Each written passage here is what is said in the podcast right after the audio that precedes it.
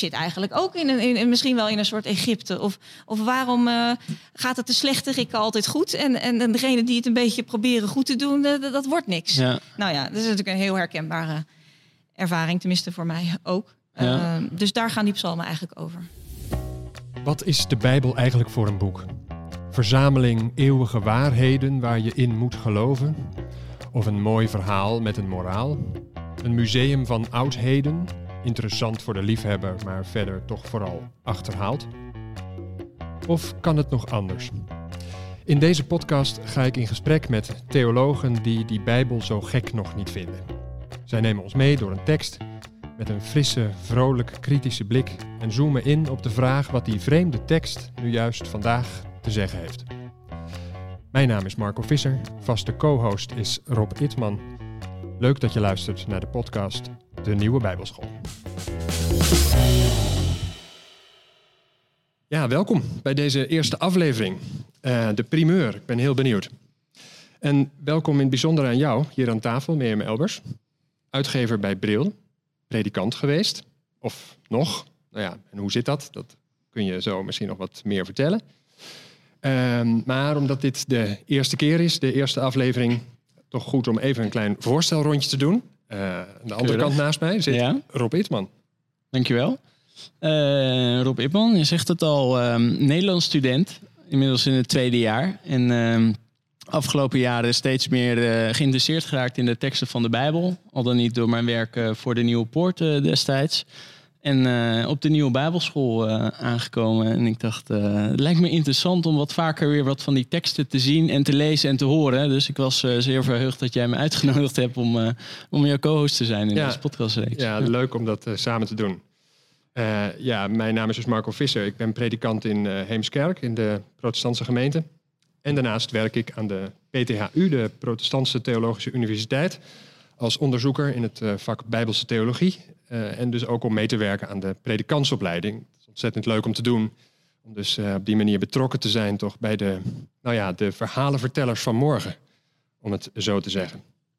En daarmee kom ik bij jou, Mirjam. Eh, dank dat jij deze Bijbelklas wilt doen. Ja, wat is, wat is jouw verhaal? Wat is jouw wordingsgeschiedenis, zo gezegd, als, eh, als theoloog? Dankjewel. Uh, heel leuk dat ik hier mag zijn. Um, mijn wordingsgeschiedenis is dat ik op een gegeven moment theologie ben gaan studeren.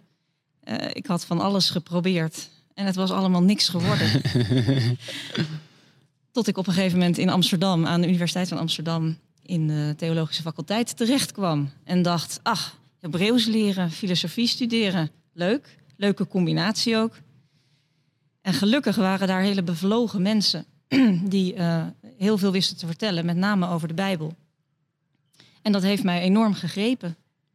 Zozeer gegrepen dat ik op een gegeven moment dacht, ja, misschien moet ik wel uh, uh, me laten dopen, de kerk in. Even helpen. Dat soort dingen, ja. Oké, okay, ja, ja, je vertelt het een beetje alsof je daar zo in verzeild bent geraakt. Uh, ja. En ja, dat triggert natuurlijk toch om nog even wat door te vragen. want ja, je laten dopen en dan de kansel op te gaan enzovoort.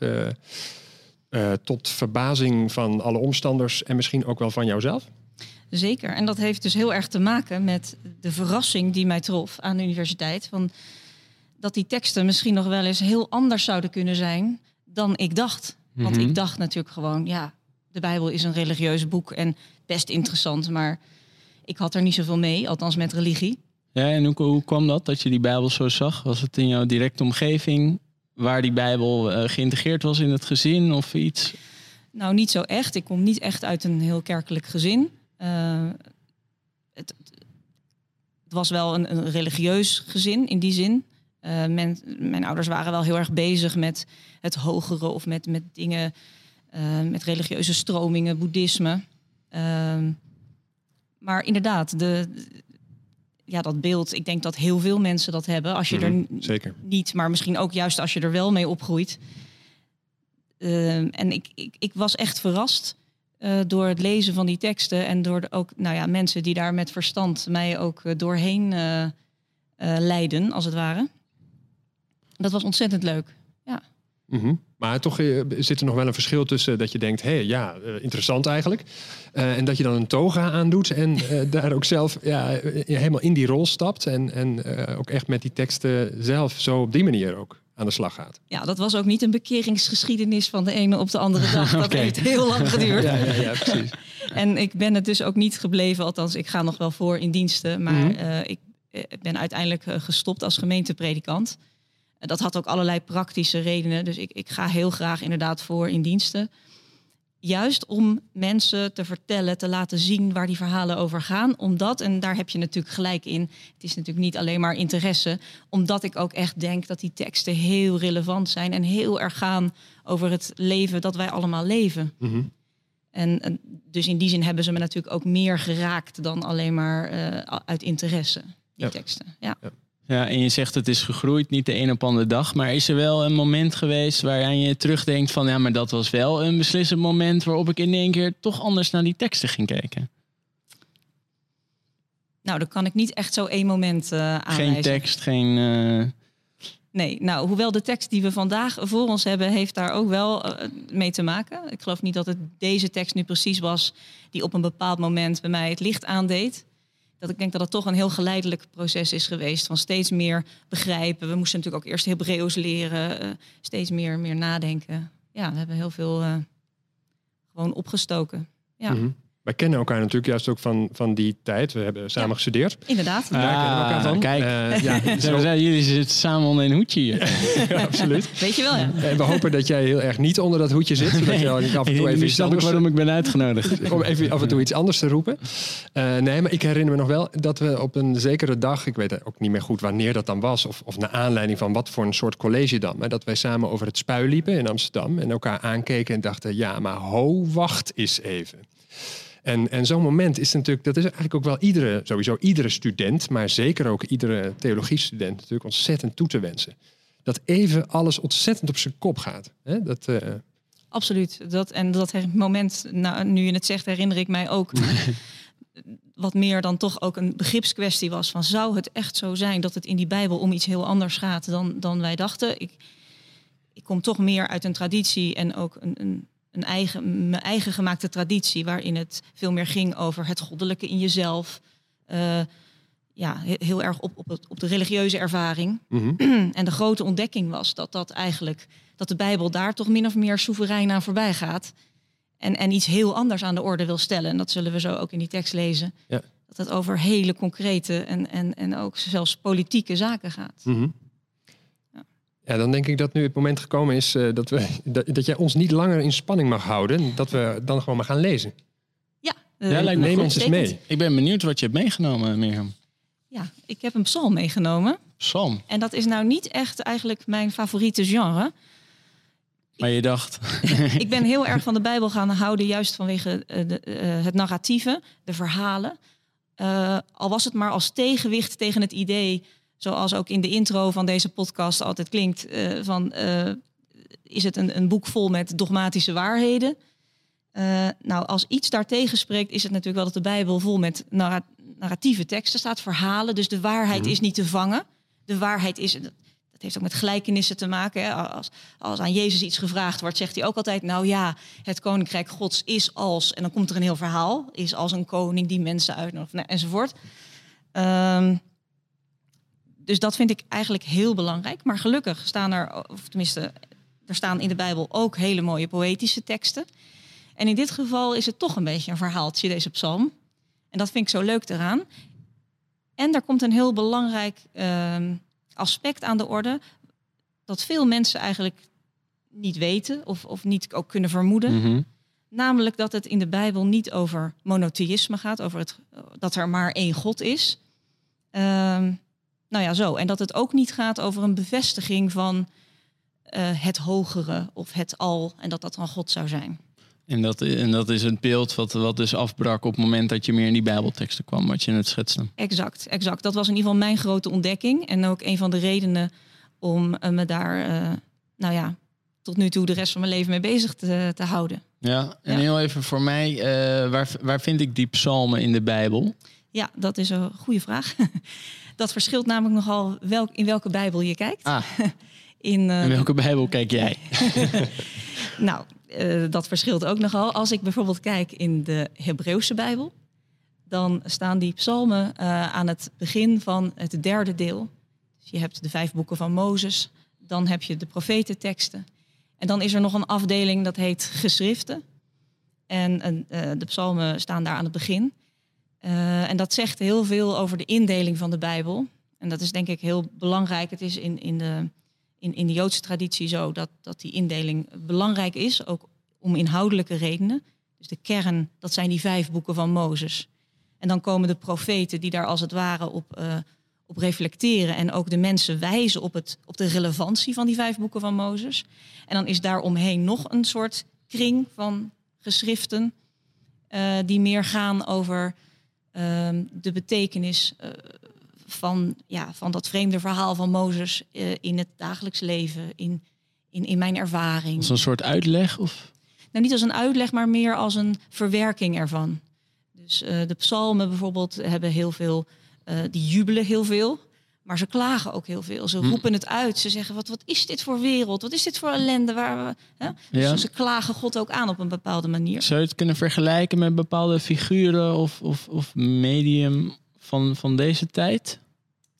Oh, dat is wel een goede vraag. Dat is een Dat leuke. is dan de tweede. Bij de derde tracteren, Marco. Ehm, eh, nou ja, dat vind ik eigenlijk wel lastig. Eh, Nou ja, misschien kom je er zo nog op hoor. Ja, ja. eh, maar ik kan me zo voorstellen. Ik heb altijd het idee bij psalmen dat ze gezongen moeten worden. Maar ik weet niet. Inderdaad, Dat is ook maar een het, idee. eh, het zijn liederen, dus het is eigenlijk de ervaring van mensen zelf. Dus ehm, je krijgt dat hele verhaal te horen, toch maar even inhoudelijk dan, eh, van Mozes, uittocht uit Egypte. Dus men zit vast. Nou ja, dat is natuurlijk een heel herkenbare ervaring. Je zit vast, je zit in de benauwdheid, je komt er niet uit. Je denkt, wat, wat is dit? En dan, hoor, en, dan, en dan wordt eigenlijk dat volk dus uit die benauwdheid geleid, uit Egypte. Een land waar het, waar het niet goed toe is. Nou, dat hele verhaal. En, en de, ehm, de profeten herinneren daaraan. Van joh, kijk uit dat je niet weer in dat, in dat benauwde land terugkomt. Doe dat nou niet. Ehm, ja, en dan bij die psalmen, dan is het eigenlijk... Dan heb je dat verhaal allemaal in je hoofd. En dan denk je, ja, en, en ik nou? Ja, Ik zit eigenlijk ook in, een, in, misschien wel in een soort Egypte. Of, of waarom eh, gaat het de slechterikken altijd goed? En, en, en degene die het een beetje proberen goed te doen, eh, dat, dat wordt niks. ja. Nou ja, dat is natuurlijk een heel herkenbare ervaring, tenminste voor mij ook. Ja. Ehm, dus daar gaan die psalmen eigenlijk over. Mhm. Ja, jij vroeg net van waar kun je het mee vergelijken? Nou ja, je zou het bijna kunnen vergelijken met allerlei liederen die ook nu ontstaan. Gewoon als eh, het, het levenslied. eh, Het coronalied ook dan? ja, misschien wel. Ja, van in wat voor een situatie zijn wij nou, nou toch weer in vredesnaam beland? Eh, Zo'n soort lied. Hè? Eh, en rijmt dat dan ergens? Hè? In de Bijbel gaat het dan over de vraag: rijmt dat nou ergens eh, wel of niet? Eh, of in hoeverre vloekt het met dat bevrijdingsverhaal? Hè? En hoeveel psalmen zijn er? Want dit, ik zie psalm 82. Ik denk, eh, Ja, loopt dat verder op? er zijn er 150, althans in de, in de Bijbel. Ehm, eh, er schijnen er wel meer te zijn geweest. Maar uiteindelijk zijn deze 150 in de kanon terechtgekomen. Dus daar doen we het dan eh, mee. En, Ja. die, en die kanon, dat is een besluit geweest van, Van mensen. Ja. van mensen. Eh, Er is natuurlijk uiteindelijk Enquête. een keer besloten. eh, en dat is dan nog in, de, in, in, in het Jodendom, zou ik maar zeggen, in de Joodse traditie. Is er op een gegeven moment, ik, eh, ik meen in, eh, in eh, de eerste eeuw voor Christus, ehm, een, een, ja, hebben mensen dat vastgesteld en hebben gedacht: dit zijn nou echt teksten die gaan over waar het over moet gaan. En natuurlijk de, de, de, de vijf boeken van Mozes. Ik bedoel, heel veel dingen lagen natuurlijk al lang vast. Of vond, daar vond men al lang van, dit is het wel zo'n beetje. Dus het is vooral aan de randen van die kanon dat men op een gegeven moment besloten heeft dit er wel in en dat er niet in. Nou ja, en de psalmen was eigenlijk natuurlijk ook vrij duidelijk. Maar welke psalmen dan? Nou ja, dat is dan op een gegeven moment vastgesteld. Ja, Ik zeg, laat horen. ja psalm 82. Een psalm van Asaf. God staat in de vergadering der goden. In het midden van de goden houdt hij gericht. Tot wanneer zullen jullie verkeerd richten en het aangezicht van de boosdoeners optillen? Doe recht aan de geringe en de wees. Doe aan de armen en behoeftige gerechtigheid. Laat de geringe en de gebrekkige ontkomen. uit de hand van de boosdoeners. Red ze daaruit. Niets weten ze, niets verstaan ze. In duisternis wandelen ze rond en alle grondvesten der aarde wankelen. Ik heb zelf gezegd, goden zijn jullie. Ja, zonen van de Allerhoogste, jullie allemaal. En toch, als een mens zullen jullie sterven. Als een van de vorsten zullen jullie vallen. Sta op, o God, en richt de aarde, want aan u komen toe alle volkeren. Ja, dat zijn niet de teksten die ik elke dag uh, voor me heb, Marco. nee, niet. Hè? nee, nee, nee, nee, nee. Het is toch wel anders. Ja. Zelfs anders dan een, een Nederlandse roman of uh, een gedicht. Ja, ja, ja zeker. Het is, uh, je probeert altijd als je dan meeleest er gelijk iets uit te halen. Maar als ik dan nu zo in eerste instantie meelees, dan denk je niet gelijk van nou, die neem ik mee. Dit klopt allemaal, of zoiets. Nee, maar ik ben wel benieuwd, want we gaan natuurlijk uh, graag naar jou, uh, Mirjam, luisteren. Ja. Wat jij eruit wilt halen. Maar misschien is het toch leuk om eerst aan jou, Rob, even te vragen... wat, wat jou nu het meest in het oog springt. Um, nou ja, ik probeerde met een pen gelijk wat dingen te onderstrepen. En het eerste wat me natuurlijk opviel was wel een godenvergadering.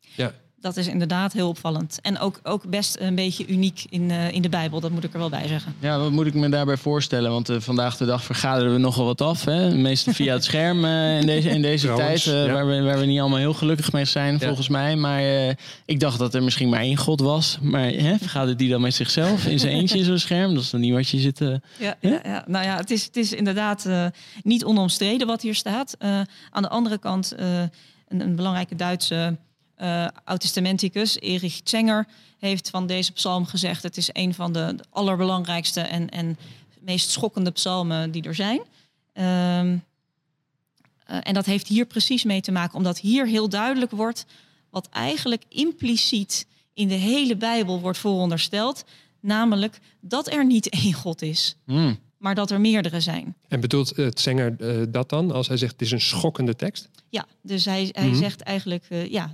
hier wordt heel helder waar het eigenlijk om gaat in die Bijbelse teksten. Um, namelijk dat uh, het wereldbeeld niet is, er is maar één God. Er bestaat maar één God, ik Mm-hmm. maar zeggen. maar dat het wereldbeeld is het wemelt van de goden. Er zijn er, er, zijn er vele. Mm-hmm. Um, het is hier trouwens, dat moet ik er wel bij zeggen, uh, het is ook alweer discutabel. Er staat Adat El, dus uh, er staat in de vergadering ja, mm. van de godheid. Met wie dan? Ja. Maar dus dat El is niet helemaal duidelijk, de godheid of de goden. Uh, maar in ieder geval, het is overduidelijk dat hier een situatie wordt geschetst van één god te midden van andere goden, die die andere goden als het ware op hun nummer zet en zegt: wat, wat zijn jullie voor, voor, voor goden? Wat, wat zijn jullie eigenlijk aan het doen? Mm-hmm. Dus inderdaad, er wordt een soort vergadering verondersteld. Ja. En nou ja, het, je zou het eigenlijk heel goed kunnen vergelijken met zoals de Grieken zich voorstelden hoe op de Olympus de goden bij elkaar zitten. En ik, ik kan me haast niet voorstellen dat de schrijver daar niet toch ook aan denkt of aan een dergelijke. Misschien meer uh, uit, het, uh, uh, uit de oudere tradities van het nabije Oosten. eh, een, een dergelijke godenvergadering. Uh, ik heb het zelf in een preek wel eens vergeleken met. Uh, er is een prachtig toneelstuk van de Appel. Waar, waarin ze dan een grote bestuurskamer hadden neergezet. met allemaal van die prachtige leren stoelen. En daar hadden ze dan alle Griekse goden aangezet. Ja. Hè? Dus, dus van de liefde, van de oorlog. Nou ja, je kent Ja, dus alle, alle goden. Um, en die vergaderen dan met elkaar. Eigenlijk is dit ook zo'n soort beeld. Ja. Een groot godenbanket. Uh, het is ook vaak voorgesteld als een groot banket, want er werd natuurlijk gegeten en gedronken ook. Ja. Uh, althans in de Griekse uh, manier van vertellen. Nou, je zou daar prachtige voorstellingen van kunnen maken. En het, en het wonderlijke hier is, het, het, het echte unieke, is dat hier dus een, een van die goden opstaat. En, daar, en die begint te spreken. Dus dat is, en dat maakt het, uh, de psalm, als je hem zo op het eerste gehoor hoort, een beetje ingewikkeld. Omdat het even, je moet even goed weten wie is hier nu tegen wie aan het woord. Ja. Maar wie er aan het woord is, is dus eigenlijk die ene God die opstaat en die dan gaat zeggen. En, en, en deze psalm noemt dat dus eigenlijk gericht houden. Dat wil zeggen, hij gaat als het ware recht spreken. Hij gaat een soort, hij meet zich de rol van rechter aan. Ja. En hij zegt, dit deugt niet. Tot wanneer zullen jullie verkeerd richten. Jullie zijn verkeerd bezig. Hè? Ja. En dan staat er het aangezicht van de boosdoeners optillen. Dat wil zeggen, jullie zitten de boosdoeners in deze wereld te, te bevoordelen. Jullie, jullie zijn op hun hand. Ja, ik, ik, ik- terwijl ik dat eerste, die eerste drie, eh, vier regels dan ook lees. Het lijkt een beetje op, op, op een vergadering ben aangekomen van een politieke partij misschien wel. Ik, ik lees een beetje eh, sociaal-democratie. Van doe recht aan de armen. Doe recht aan de geringen en de wees. Doet aan de armen en behoefte gerechtigheid. Ik denk van... eh, je kan je goed voorstellen dat iemand opstaat tijdens die vergadering van waar zijn we nou mee bezig? Nou, dat is, en dat is denk ik ook een heel an- interessant aspect van de Bijbel.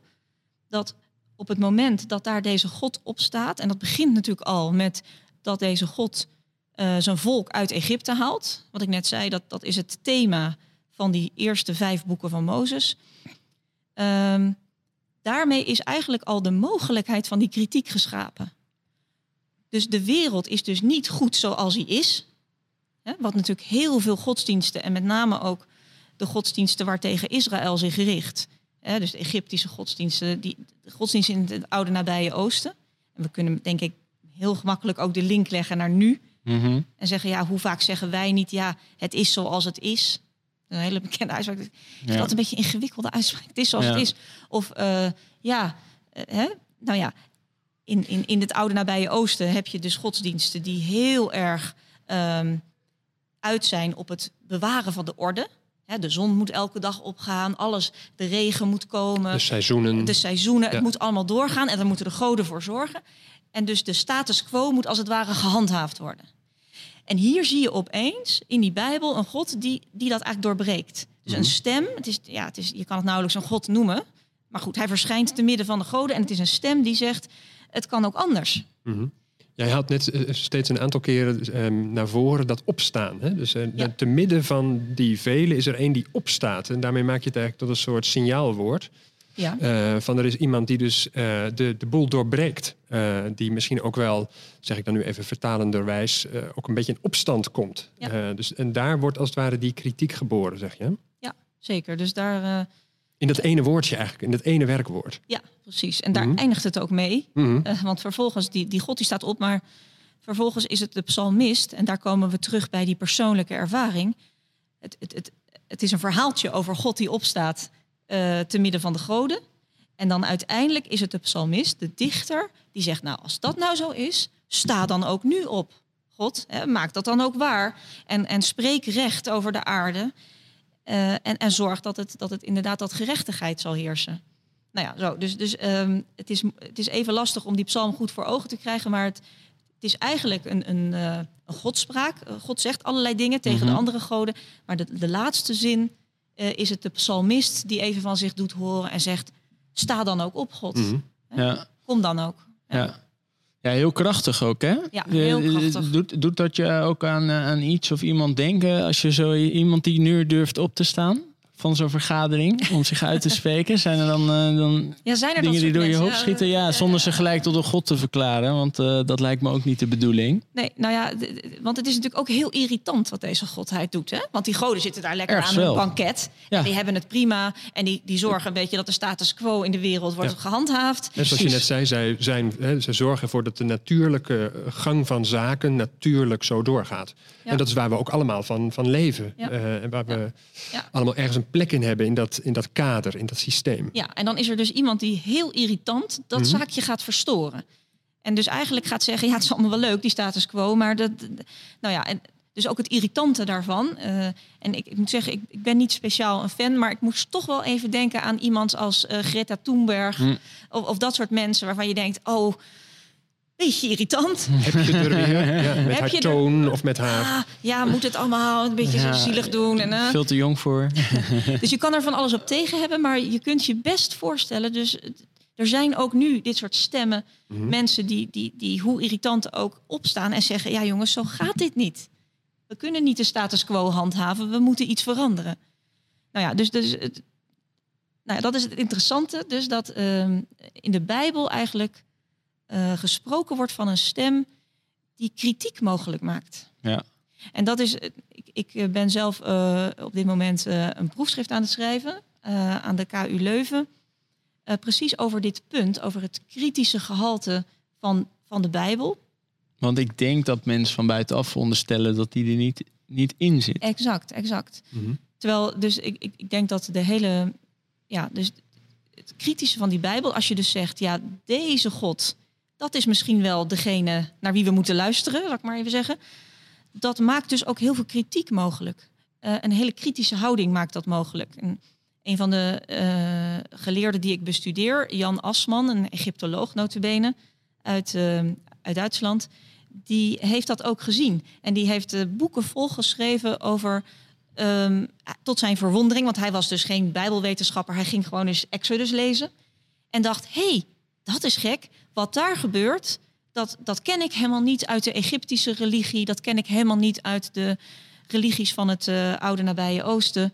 Daar gebeurt iets wat kritiek mogelijk maakt en wat dus ook politiek mogelijk maakt. De- Opeens is er politiek. Kijk, als, als, als we gewoon de seizoenen moeten proberen, de Mhm. goden gunstig moeten stemmen om de orde te handhaven, is er eigenlijk ook niet zo heel veel politiek mogelijk. Ja. Maar op het moment dat er dus een kritische stem klinkt, kun je ook opeens zeggen, kun je ook met elkaar gaan discussiëren. Moet het zus of moet het zo? Eh, Ja, en, En- het is dus ja. ook volgens mij in zekere zin de orde handhaven, maar wel ten koste van een aantal mensen. Want als je zou zeggen, hè, de zon komt op en het loopt, dus toch, als iedereen het goed heeft, heb je eigenlijk geen reden om, om op te staan. Maar Nee. blijkbaar gaat de zon op en hè, wordt alles in stand gehouden, maar wel ten koste van die exact. armen en behoeftigen en gebekkigen. Nou, dat Ja. is natuurlijk precies waar deze stem op wijst.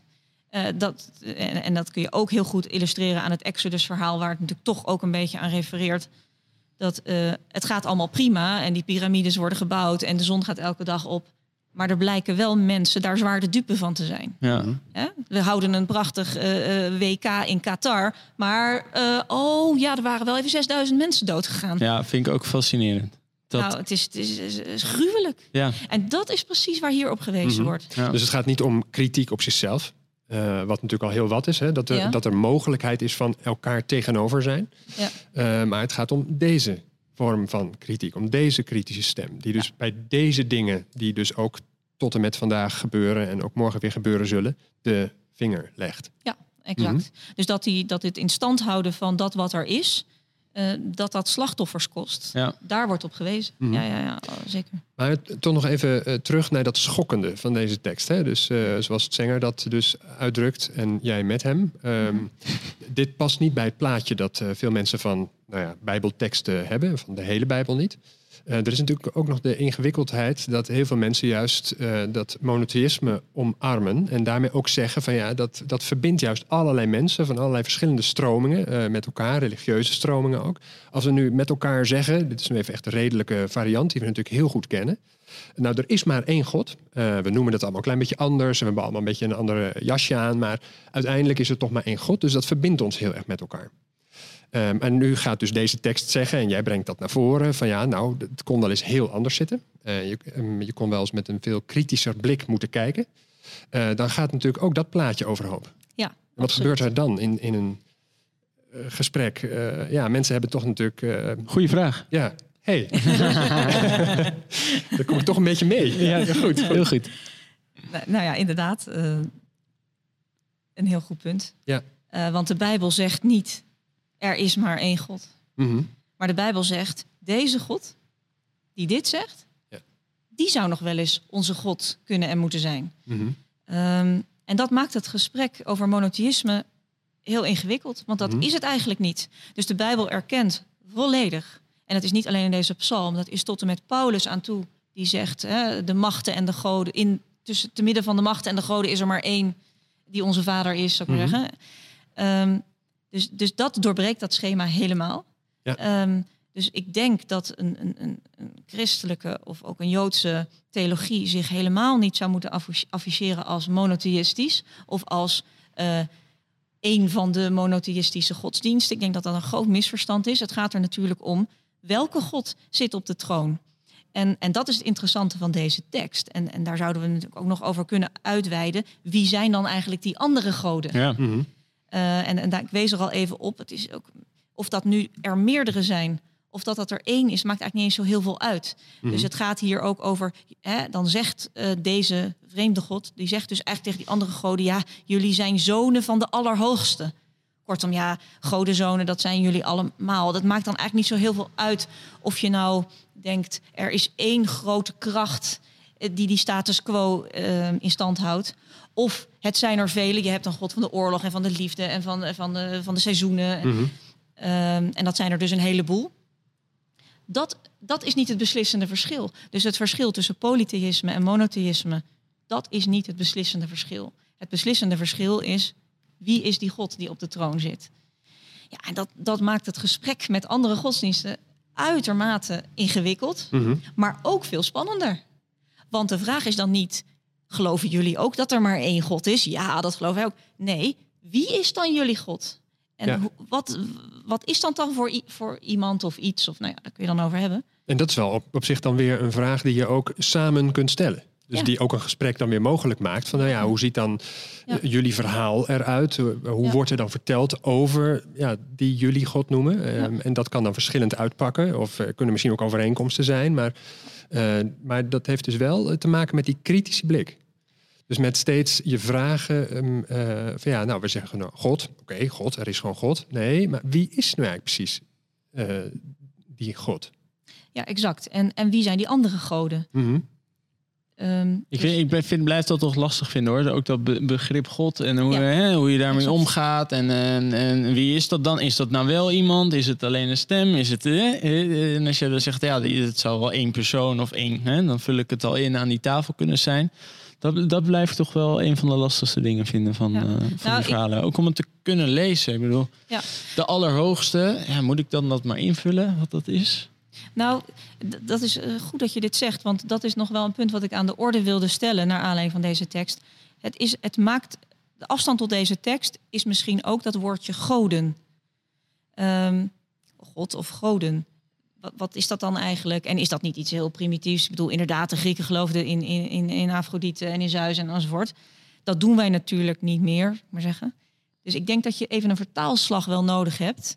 Eh, de theoloog Miskotte heeft dat gedaan door het woordje, ook een Bijbels woord trouwens, in te brengen van machten. Mhm. Dus dat het gaat om, eh, en dat is precies ook eh, wat andere denkers ook zo, ook, en dichters ook, zoals Huub Oosterhuis hebben gezegd, onlangs nog in een artikel, Het wemelt van de goden, zei hij in dat interview, prachtig interview met de inmiddels zeer oude Huub Oosterhuis, Het wemelt van de goden. Mhm. En dan bedoelt hij dus niet eh, dat we allemaal nog in Afrodite geloven of, of, of in Zeus. Maar dan bedoelt hij, er zijn machten in deze wereld gaande waaraan wij heel veel opofferen. En kun je eh, een voorbeeld geven van zo'n macht? Wa- Wat, eh, wat zou een macht kunnen zijn waar een gemiddelde jongen zoals ik zich misschien wel aan... ja, Nou, misschien kun je beter zelf die vraag beantwoorden. Waar offer jij te veel aan op? Ja, nou ja, dat kan, het kan wel heel veel zijn, denk ik. Het kan voor Ja. je werk zijn, het kan, eh, kan voor je studie. Er zijn, er zijn nogal wat machten, denk ik. Ja.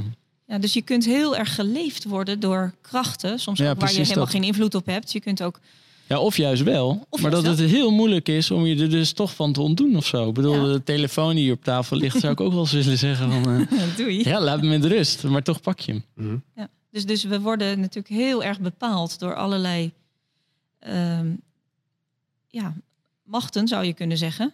Waaraan we echt ook maatschappelijk natuurlijk best heel veel opofferen. Ik geloof dat het Ton Veerkamp was, de theoloog, die, die dat ook zo heeft omschreven. Een god is datgene waaraan we collectief of individueel eh, te veel opofferen. Ja, En, en want dat is natuurlijk het kenmerk van go- goden. Die vragen offers. ja. En eh, nou ja, je kunt je voorstellen dat, dat we aan, aan de economie, ik zal maar even zeggen, heel veel opofferen. Ehm, of, of aan een concept, ik heb het wel eens vergeleken met het concept groei. We doen alles voor groei, Mhm. eh, individueel, maar ook eh, als maatschappij. Dat is, een, dat is een soort heilig dogma, waarvan je op een gegeven moment wel kan afvragen, offeren we daar niet te veel voor op? Wie worden daar eigenlijk het slachtoffer van? Ja, en het is dus maar wat lastig om daar tegen op te staan. Ja, dat kan helemaal niet. Mhm. Want het, is, het zit zo ingesleten in de patroon. Het is eigenlijk een beetje zoals die Egyptenaren met hun zon. Die ze dan steeds weer dachten dat ze die moesten op, eh, op laten komen. Ja, door de goden gunstig te Mhm. stemmen. Is natuurlijk voor ons economische groei of, of andere dingen. Vanzelfsprekend. hè. Vanzelfsprekend. En on- de adem waarmee we ademen, datgene waar, waar we eigenlijk niet zonder kunnen. Mhm. Maar het, het, zoals je het nu zegt, het gesprek dat we nu hebben, daar blijkt toch wel uit eh, eigenlijk, en dat helpt wel, vind ik, eh, dat het eigenlijk om iets heel anders gaat dan om dat gesprek tussen eh, iemand uit de Joodse traditie, iemand uit de christelijke en iemand uit de moslimtraditie, die dan met elkaar in gesprek gaan. En dat loopt natuurlijk heel lastig als je dan deze tekst op tafel hebt. Ja. Eh, maar hier gaat het over iets wat ons juist ook weer heel erg bindt. Namelijk dat we allemaal op de een of andere manier eh, dus voor die goden knielen. En ergens ook in de greep zijn en ons ook niet zomaar kunnen losmaken van die machten die dus ons ergens in de greep houden. Hè? Ja. En, Mhm. en, en je kunt niet opstaan tegen iets dat je niet ziet. Ja, Dus inderdaad. dat, dat, dat, dat, vind ik, dat vind ik zo mooi dat je zegt, die tekst is kritisch. Dus die tekst leert jou misschien om op te staan tegen datgene wat je nu nog niet eens ziet. Exact. Waar je aan- voor aan het knielen bent. Je, Ja. hebt, je hebt ook taal nodig. Je hebt taal nodig om, om, om iets een naam te geven en om een, een etiket erop te plakken en zeggen. Net zoals je bij, bij wijze van spreken als je ziek bent. Het helpt om te zeggen, ja, maar ik heb dit.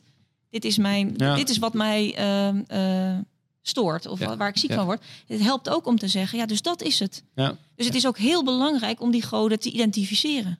Ja. Het Ja. ontrafelt hè? En, Ja. en het haalt de dingen waar, waar wij zo in zitten dat we het niet eens meer zien, haalt het als het ware een beetje heilzaam uit elkaar, zodat onze ogen ergens ook geopend eh, worden voor nou, de dingen die aan de orde gesteld moeten worden. Zoals dus hier, hè, doe recht aan de geringen en, en, en de wees en de armen en de behoeftigen. En wie zijn dat dan eigenlijk? Hè? Die stem die het voor, Mhm. voor die eh, mensen opneemt. Ja. Ja, dat moet je ergens wel ook tegemoet komen in, in de tekst. Om Mhm. daar Mhm. ook eh, eh, weer opnieuw op te letten. Ja. Is het zoiets? Jazeker. Dus, dus een, een, een, om die goden te kunnen identificeren, of machten moeten we misschien beter Mhm. zeggen, eh, kan het een, een belangrijke leidraad zijn om te zeggen wie zijn er het slachtoffer van? Ja. Mhm. Of wat is er het slachtoffer? Maar in ieder geval, hè, om daarop te letten. Van wie, wie wordt hier dan de armen en de behoeftigen van? Mhm. Ja. Ja. Ja. Ja, ik eh, denk dat we heel veel hebben gezien eh, en dat je ons veel hebt verteld. En ik wil je daar heel hartelijk voor danken. Dankjewel dat je hier was en Ja. onze leermeester wilde zijn vandaag in deze Heel graag gedaan. Bijbelklas. We hebben veel om over na te denken en eh, eh, tot de volgende keer. Dankjewel. Dankjewel.